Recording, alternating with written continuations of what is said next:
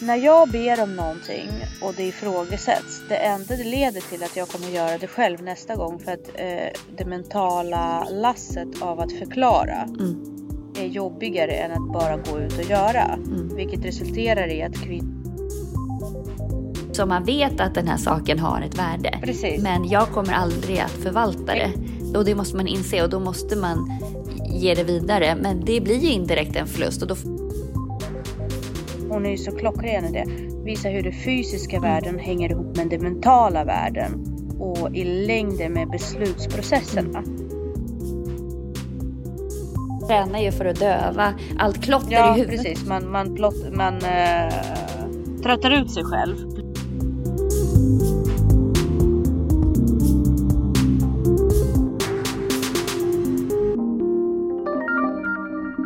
Hej Jessica! Hej Tanja! Hur är Hur det? är det? Alltså, Båda frågar på en gång. Hur är det? Det kan vi alltid synka. Vi kan aldrig synka in våran intro. Nej. Eh, hos mig är det bra. Det har varit eh, cykling och barkbåtar den här veckan. Vi har ju i Nyköping årliga barkbåtstävling för fyror. En Ja. jättemysig event när hela, alla skolor i Nyköping samlas vid Nyköpingån och kör barkbåtar. Jättetrevligt. Och det var jag med om första gången i år. Jättemysig liten Har ni någon sån här superengagerad historielärare som tar med dem till Nyköpings eh, eh, slott där eller så här och bara Ja. minnesidan Håtuna-leken. Denna lek ska ej bliva eder bättre. Och så kastar de nyckeln i eller Nyköpingsån. Vi har en superengagerad eh, museumsguide som har gjort det här i 26 år. Och eh, Ja. han är ju supertaggad och han följer ju hela racet. Alltså det är ju så kul.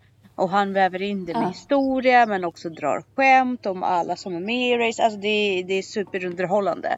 Jag vet inte om barnen kan uppfatta hans fantastiska liksom, talang. Men alla vuxna Ja. som är där eh, uppskattar verkligen att, att man kan liksom ha lite humor i det samtidigt som, som det är en, ett historiskt event. Därför att tydligen så är det Ja. så att man har hittat barkbåtar i Nyköping-trakten som har varit runt 6000 år gamla.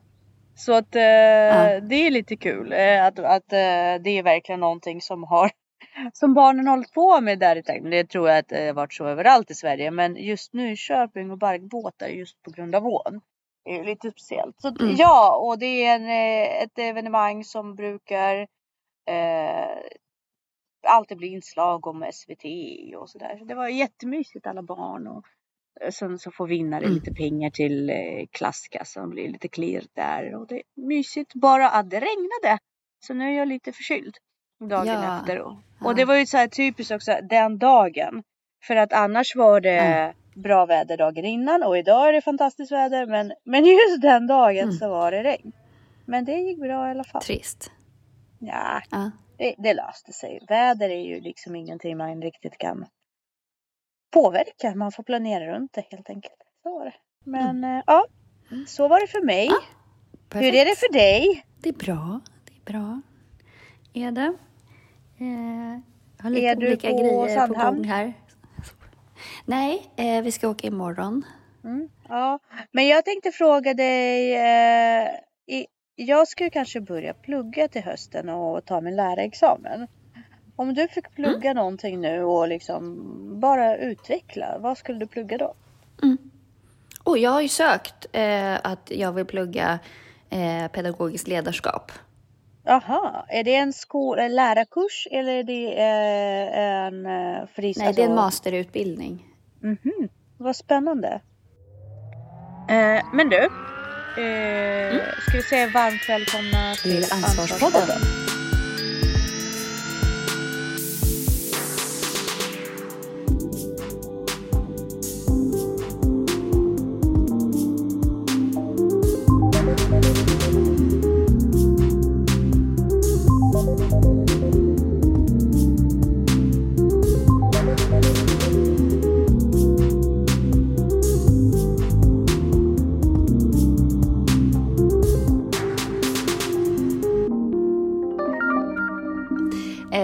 Idag ska vi pla plata om...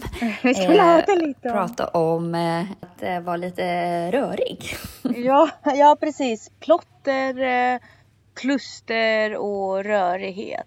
Eh, det vi, har, jag har ju, vi har ju kollat på en Youtube-klipp om det och det är en eh, tjej som inte alls eh, lika doktorerad som vi brukar referera till våra uh, lyssnare annars. För vi brukar ju ha ofta doktorer och psykiatriker och väldigt där uppsatta personer, högt uppsatta inom akademin. Men eh, hon är väl bara någon som har gått igenom väldigt mycket trauma själv. Och eh, mm. jag tror att hon även är en terapeut. Men däremot så tror inte jag att hon är en läkare. Men det är inte så intressant för att i samband med att eh, jag tittade på det här klippet så eh, hörde jag en TikTok eh, också om en tjej som jag följer som brukar kommentera på Youtube-videos just om där, hur kvinnor brukar socialiseras in. För jag tycker hon är ganska intressant och pratar mm. väldigt mycket om det mentala mentala lasset av hushållet och så som män ofta mm. missar för att de är då, ja, de, mm. de socialiseras in på ett annat sätt. Och hon sa att mm. det är eh, att kvinnor, vi, eh, sen vi är små så brukar vi lära oss att, eh, att man blir uppskattad för hur bra hushållerska man är. Alltså det är att huset är en förlängning av vår identitet. Så man refererar alltid till kvinnan i huset. Och, Men är inte det lite eh, förlegat, tänker jag? För jag tänker att den värderingen är ju gjord efter hur stor nytta man har av personen, liksom, att man tillför någonting. Men idag så finns det ju väldigt mycket andra sätt att tillföra. Alltså en karriär är ju lika värdefull liksom, som statusmarkör. Eh, uh, ja, jag tänker lite så. Jo, så är det, men det ligger fortfarande i ditt ansvarsområde att det här ska vara fixat.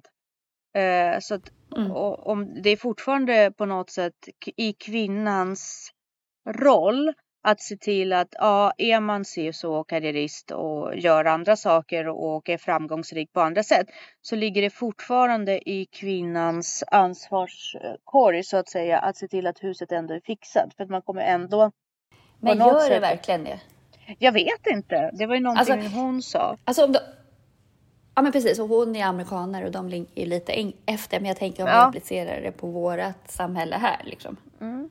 Ja, eh, jag, när jag var lite, när jag hade min träningsgrupp och då, då märkte jag också väldigt mycket att eh, det är fortfarande så i högsta och särskilt om man har flera barn. Mm. Jag vet inte om det applicerar på alla eller om jag har blivit insnöad i just som miljö för de tjejer var lite äldre, de var runt 50. Mm. Om det kan ha med generation, någon form av generation att göra men det är ju du måste hålla med om att det, är fortfarande, det ligger fortfarande väldigt mycket i kvinnan. Alltså om man, om man har en kärnfamilj, mm. särskilt med flera barn, mm. så ligger det någonstans på kvinnans bord ändå att uh, hushållet ska funka. Mm. Sen menar inte jag på att det kanske är så inom familjen. Mm. Det påstår jag inte. Nej. Men däremot så tänker man lite, kunde hon inte, borde hon inte, om man kommer in till någons hem och det och barnens rum inte är som det ska vara. Eller förstår du vad jag menar? Mm.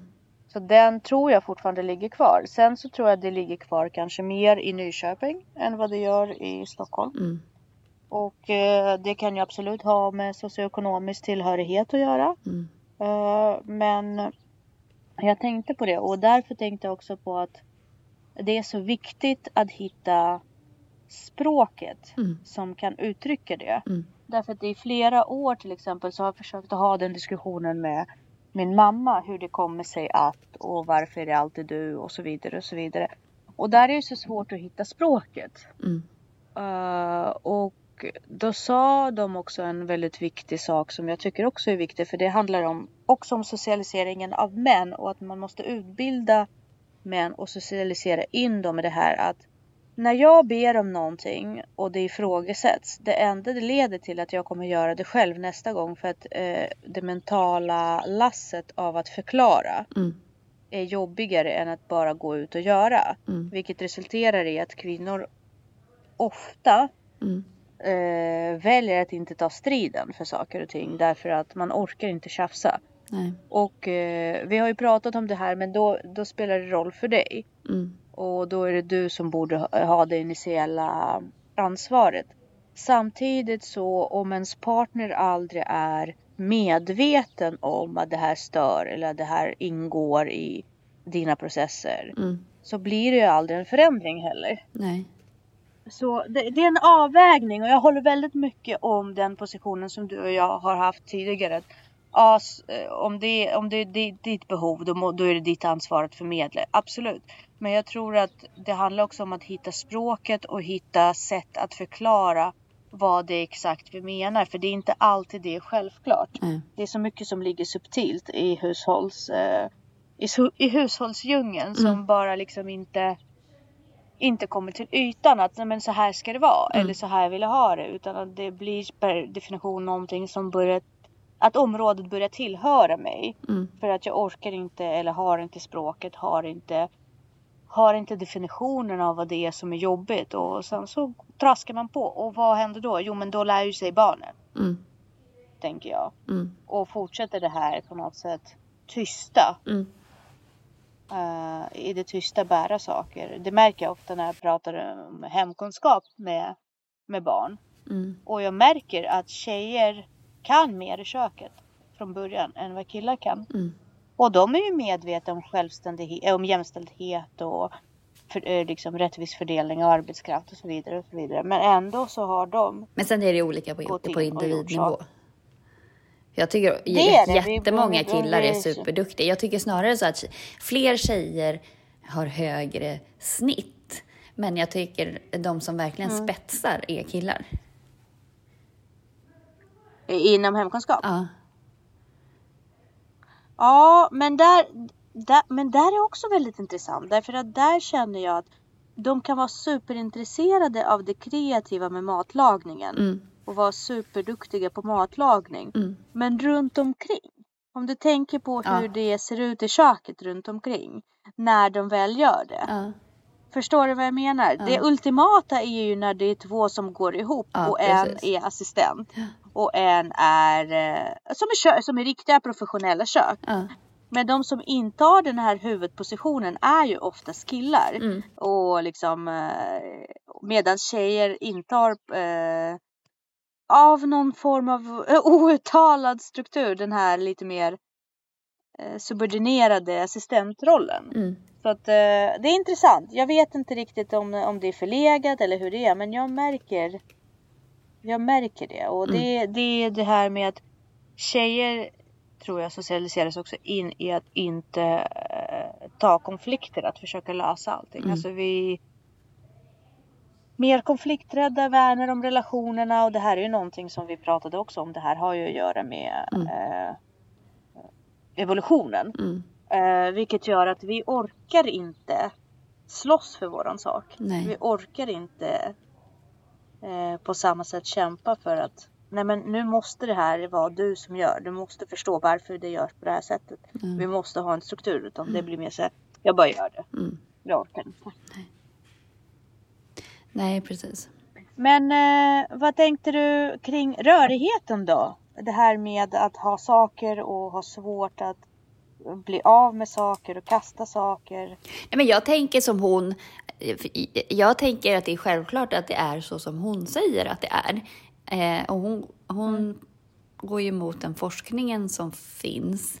Forskningen säger att, att klustret skapar oron och eh, neuropsykiatriska neuropsykiatrisk problematik, eller liksom att det är där kärnan är och hon hävdar att det är en konsekvens av, Ja. vilket jag tycker är relativt självklart. Men däremot så kan jag förstå om det är så att forskningen menar att om man skapar struktur och ordning så blir det lättare med allt annat. Att man liksom, för det, det är ju verkligen min hjälp eh, i att hantera mig själv. Jag måste vara väldigt strukturerad och uppstyrd och lite fyrkantig för att orka. Eh, sen är jag väldigt eh, kreativ och i grunden, när jag var liten var jag jättestökig. Eh, men jag har ju märkt att om jag ordnar upp saker och har lite ordning och reda så mår jag ju bättre. då känner jag en, en kontroll på ett Mm. annat sätt. Ehm, men ehm, så att det är väl vad, vad som är vad på ett sätt. Men det är klart att det hjälper att strukturera upp och för det är lite som en stökig hårddisk, den kraschar ju till slut också. Ja, men så är det.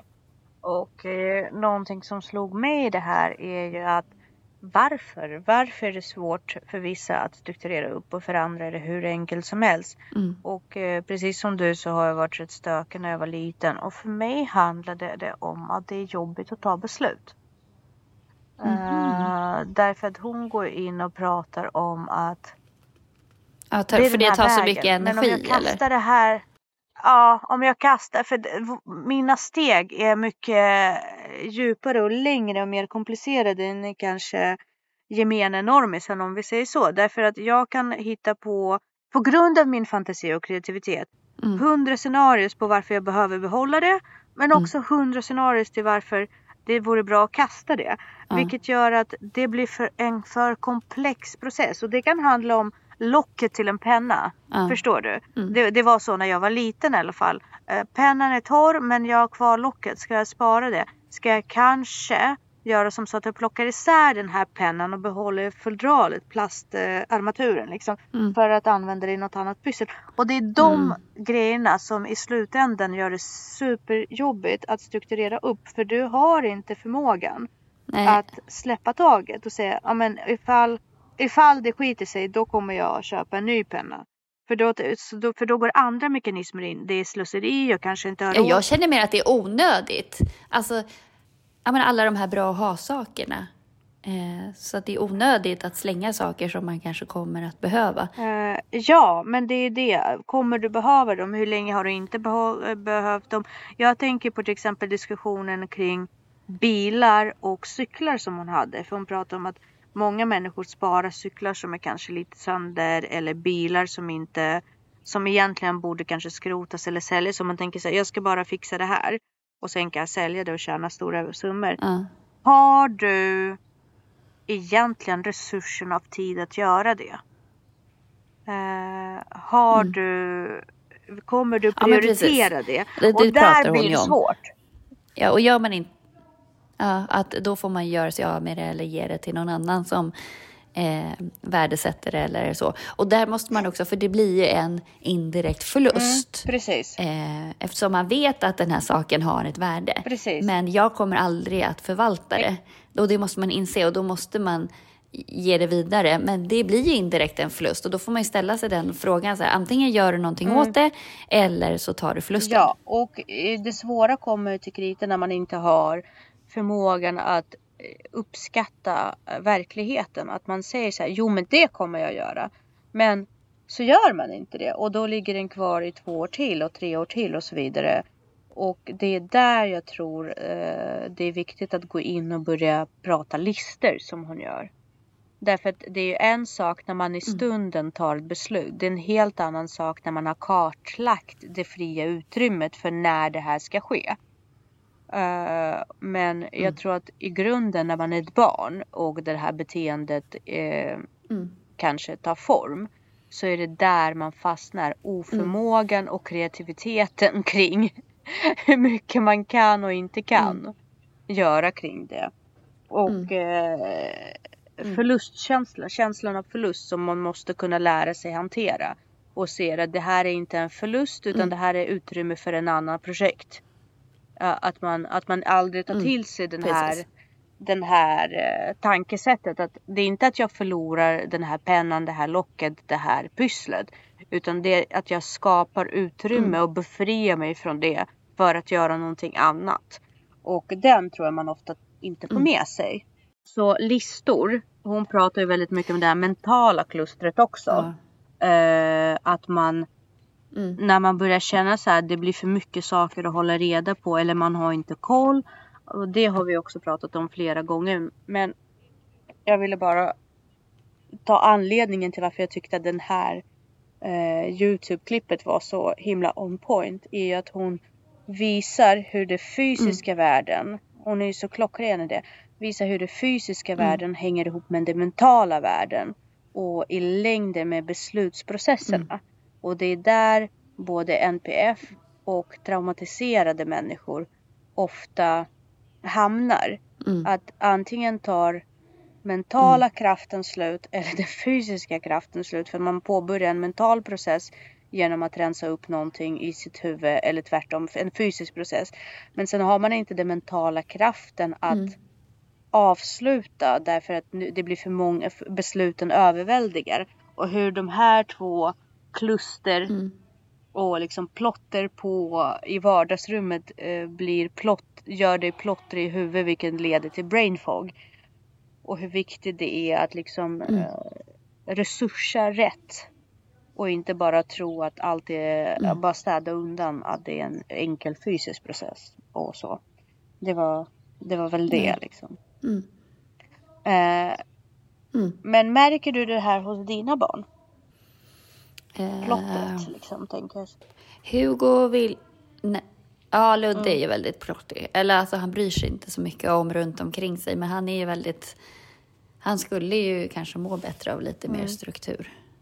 Men Hugo är mer pedantisk. Ja. ja.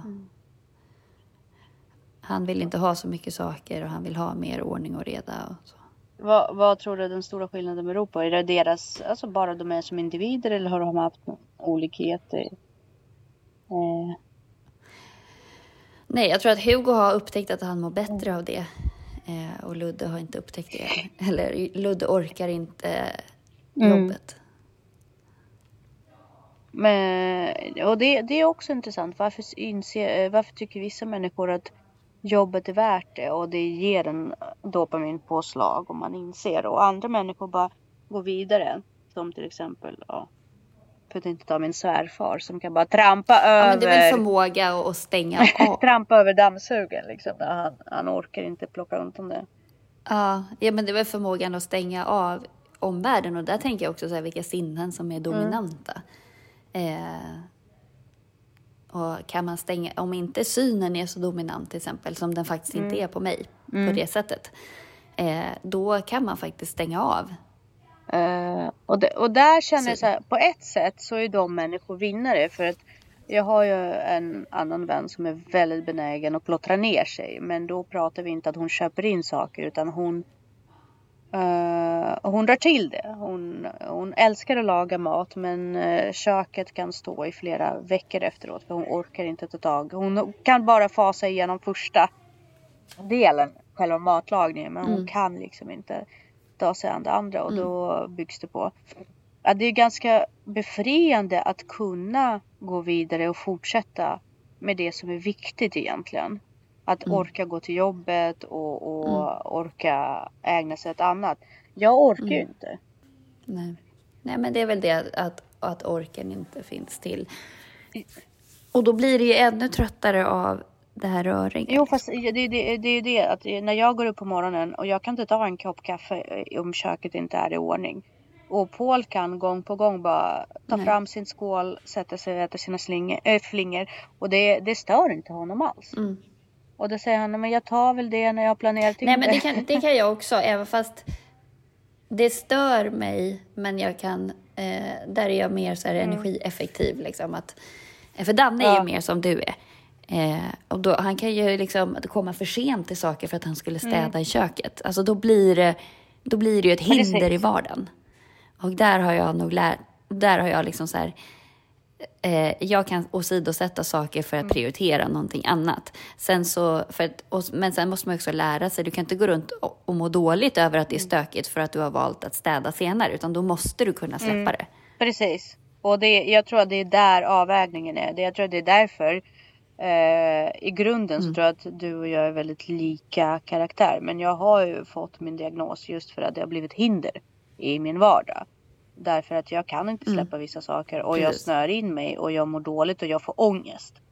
Och jag får utbrott och så vidare. Så, för att jag kan inte göra det mentala och släppa saker. För det blir jättejobbigt. Eh, och Nej. och svårt att komma igång på morgonen och så vidare. Det blir aldrig enklare när man tränar. Eh, och det släpper det gör att man släpper Precis. väldigt mycket. Så att, För då orkar man inte heller vara så alert och aktiv exakt. i livet. Alltså man tränar ju för att döva allt klotter ja, i huvudet. Ja, precis. Man, man, plott, man uh, tröttar ut sig själv. Tröttar ut den mentala uh, aktiviteten. Men uh, hon pratar ju just det här med att plotterbeteende och alla de här kluster och brain fog och mentala plotter. Det är inte, det är trauma och det kan ge väldigt mycket NPF-utslag också. Och där känner jag så här, ja, men det finns ju faktiskt studier som pekar på att ADHD kan vara ett, eh, ett svar på trauma. Nej, men det kan det ju vara. Så att ehm. utifrån hur hon förklarar det här med att orka resursa sina sinnen så är det ju väldigt likt det jag upplever. Men, eh, men det ena behöver inte utesluta det andra och därför tänker jag när vi, när vi utreder barn så förstår jag att psykologerna ofta står mm. inför stora dilemman när de när de måste ge en diagnos. Därför att vi har till exempel nu två pojkar i vår skola där man har stoppat NPF-utredningen därför att eh, psykologerna har flaggat vi kan inte även om det är klockrena fall. Men vi vet vad de här barnen har varit med om. Och därför kan det vara så att det är tra traumabehandling som behövs. Så där måste man gå till en traumalog eller ja, traumaterapeut för att verkligen ja. gå till roten. Men det är ändå stort ja, att de ser. Ja, men det har varit jättemycket kring eh, dessa barn. Och det, det är ju också värt att nämna för alla föräldrar som är inne i det här NPF-träsket med sina barn. Att eh, uppmärksamma att trauman för barn behöver inte vara samma sak som trauman för vuxna. Och att eh, ja, sådana saker som bearbetning av skilsmässan, annat, flytt när man har varit liten. Alla sådana små saker som kanske man som vuxen är väldigt beredd på kan ha orsakat eh, vissa svårigheter för barn att adoptera sen. Därför att trauma i sig, det är egentligen ingen... Det visar ju bara på att vi är så adaptiva. Att vi lär oss att överleva trots svårigheterna för att vi skapar ett eh, beteende som, alltså hjälpbeteende. För alla trauman är ju på något sätt hjälpbeteende. De hjälper mm. ju till med något. Och så att eh, det kan ju bara vara så att det vi tror är utslag för ADHD och NPF och så vidare är bara ett sätt att eh, lära sig hantera någonting som inte är naturligt för en i ens miljö. Och det måste man också vara som förälder lyhörd för liksom. Och kolla om det är någonting som håller på att hända annars. Och inte bara eh, ADHD-stämpla barnet. Nej men precis, för att det där är också så här, ja ADHD, men så här, ser det inte som ser det mer som, tycker jag, så här, det här barnet uppvisar eh, vissa mm. symptom som då kan kanske eh, sättas in i en mm. diagnos. Men det är också symptom som kräver en mm. lösning och, och gå på det först. Precis. Och, eh, och där är, beror det liksom utifrån vad det är som Uh, som brinner mest så att säga. Till exempel i fallet med min dotter så var hon ju uh, aggressiv och kunde inte fokusera i skolan. Och då kände vi, ja absolut, vi skulle kunna skala av men, och liksom börja fostra och så vidare. Men i det fallet brann skolan för oss. Så då började vi medicinera. Nu hoppas mm. jag att kanske hennes flytt till landet och en mer avskalad mental miljö och fysisk miljö kommer leda till att man successivt kan fostra andra sidor hos henne så att hon slipper medicinera hela sitt liv och börjar lära känna sig själv och skapa strategier inte utifrån sin diagnos utan utifrån sina behov. Uh, som kanske inte är skrä- mm. alltså, som kanske inte alls hundraprocentigt ADHD utan är både trauma och kanske något annat som behöver åtgärder. Så att hon börjar kolla utifrån sig själv och inte så mycket en eh, doktrin som är ADHD eller en bibba där det står så här är det. Utan mm. skräddarsy sina egna lösningar. Och jag tror att det är det som är viktigt i den här diskussionen när hon pratade om traumabeteenden och vad de här beteenden ger utslag för. Mm. Ja, men jag tror också man, det är viktigt att ta med sig att liksom, eh, okej, okay, ett barn kan uppleva en skilsmässa som ett trauma. Men det är inte skilsmässan, separationen i sig, utan det är hur ja. det här hanteras ja, runt gud, omkring. Ja. Mm. Eh, bara så att man inte faller i den gruppen att man, gruppen att man tror att separationen ger trauman nej, för barn. Nej, nej, nej. Då, då, ja, du har ju absolut rätt. Jag formulerade mig lite klumpig där. Utan det är ju någonting som är självklart och bearbetat för två vuxna. Eh, kan mm. fortfarande mm. behöva mer tid för barnen att handskas med. Det betyder inte att mm. man inte ska gå igenom skilsmässa. Det är inte det jag menar. Eller separation eller flytt eller vad annat man kan behöva i sitt liv. Utan att det är låta barnet hinna med det mentalt.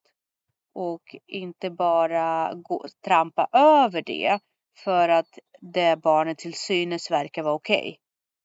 Okay. Eh, utan verkligen liksom kolla Precis. av beteenden. Så det, man måste alltid kunna förändra sitt liv utifrån behoven. Men man måste också ge kroppen och hjärnan tid för att så att säga komma ikapp mm. med det.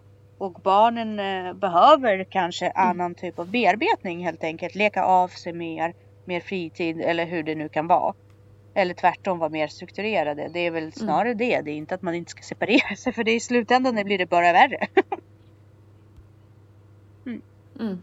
Men det är väldigt viktiga grejer det här att liksom eh, faktiskt inte... Att se sig om och, och, se hur man har det runt omkring sig och att faktiskt återigen ta ansvar för att orka mm. ta tag i saker, att inte prokrastinera. För att det är ju som en, en, liksom en, en hårddisk mm. med skräp mm. i också. Att det tar massa... Det läcker mm. energi i det här. Precis. Och att bättre att ha det mindre och mindre komplicerat än för stort och komplicerat så att det tar energi från det du faktiskt vill och gör det olycklig. Mm. Så man Precis. måste ta det till den nivån och hellre sen trappa upp de komplicerade miljöerna när man väl har orken att plocka med sig något mer. Jag pratar både mentalt och fysiskt just nu mm. kanske. Inte skaffa husdjur, när du känner att nu är det för mycket eh, och inte skaffa en till kompis när det är för mycket mentalt. Utan våga skala av Nej. och ta in de här sakerna sen när du känner att både utrymmet, lusten och tiden finns. Så att man inte gör saker för komplicerade mm. bara för att man rymmer från ansvaret av att ta hand om det man egentligen borde ta hand om. Skapa inga flykt, undanflykter så att säga. Precis. Ja. Ja men bra. Då har vi rett ut det. Då får jag säga trevlig helg. ja men detsamma. Och så hörs vi nästa vecka. Det gör vi. Ha det bra. Perfekt. Detsamma. Hej. Hej.